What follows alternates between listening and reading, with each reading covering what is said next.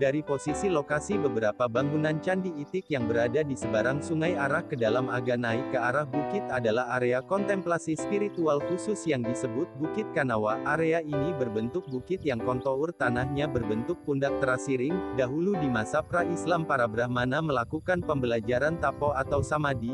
Di area ini terutama bagian atas adalah kedap suara, yaitu suara noise terdengar minim tanpa mengganggu pendengaran saat melakukan samadhi.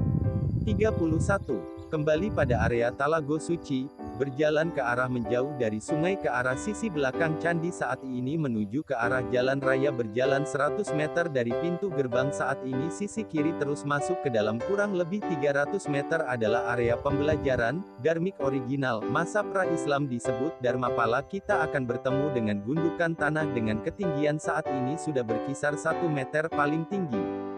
Karena sudah dirubah menjadi perkebunan kelapa sawit, gundukan tanah yang berbentuk garis lurus ini adalah batas dari sisa pondasi bangunan komplek pendidikan di masa terdahulu, berjalan terus ke arah kiri kira-kira 500 meter kita akan jumpai sisa artefak batu merah yang masih tertimbun tanah, inilah bangunan pos masuk pintu utama komplek pendidikan.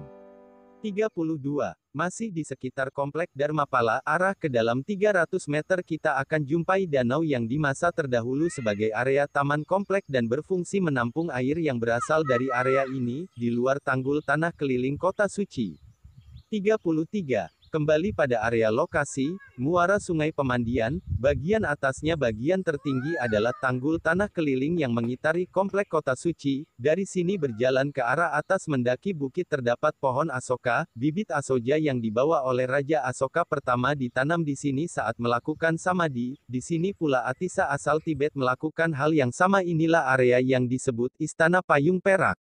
34. Dari area ini menurun ke bawah ke arah area pusat puja kita akan berjumpa dengan pohon beringin besar. Area ini adalah pintu masuk bagi tamu yang berjalan darat dari arah Aliantan, gerbang utama darat menuju kota suci. Dari sinilah The Groot masuk bertemu dengan banyak candi yang kemudian disebutnya kota candi.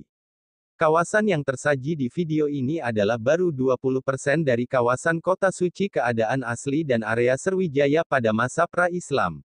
Jika ini dijadikan pusat wisata terpadu, kawasan wisata sejarah dan religi, hal ini akan menarik bagi pemerhati sejarah juga religi. Sebaiknya kawasan ini direcovery seperti keadaan asli di masa lalu sebelum Islam, karena dari lokasi inilah ajaran asli Nusantara yang bernama Dharma berawal dan berasal.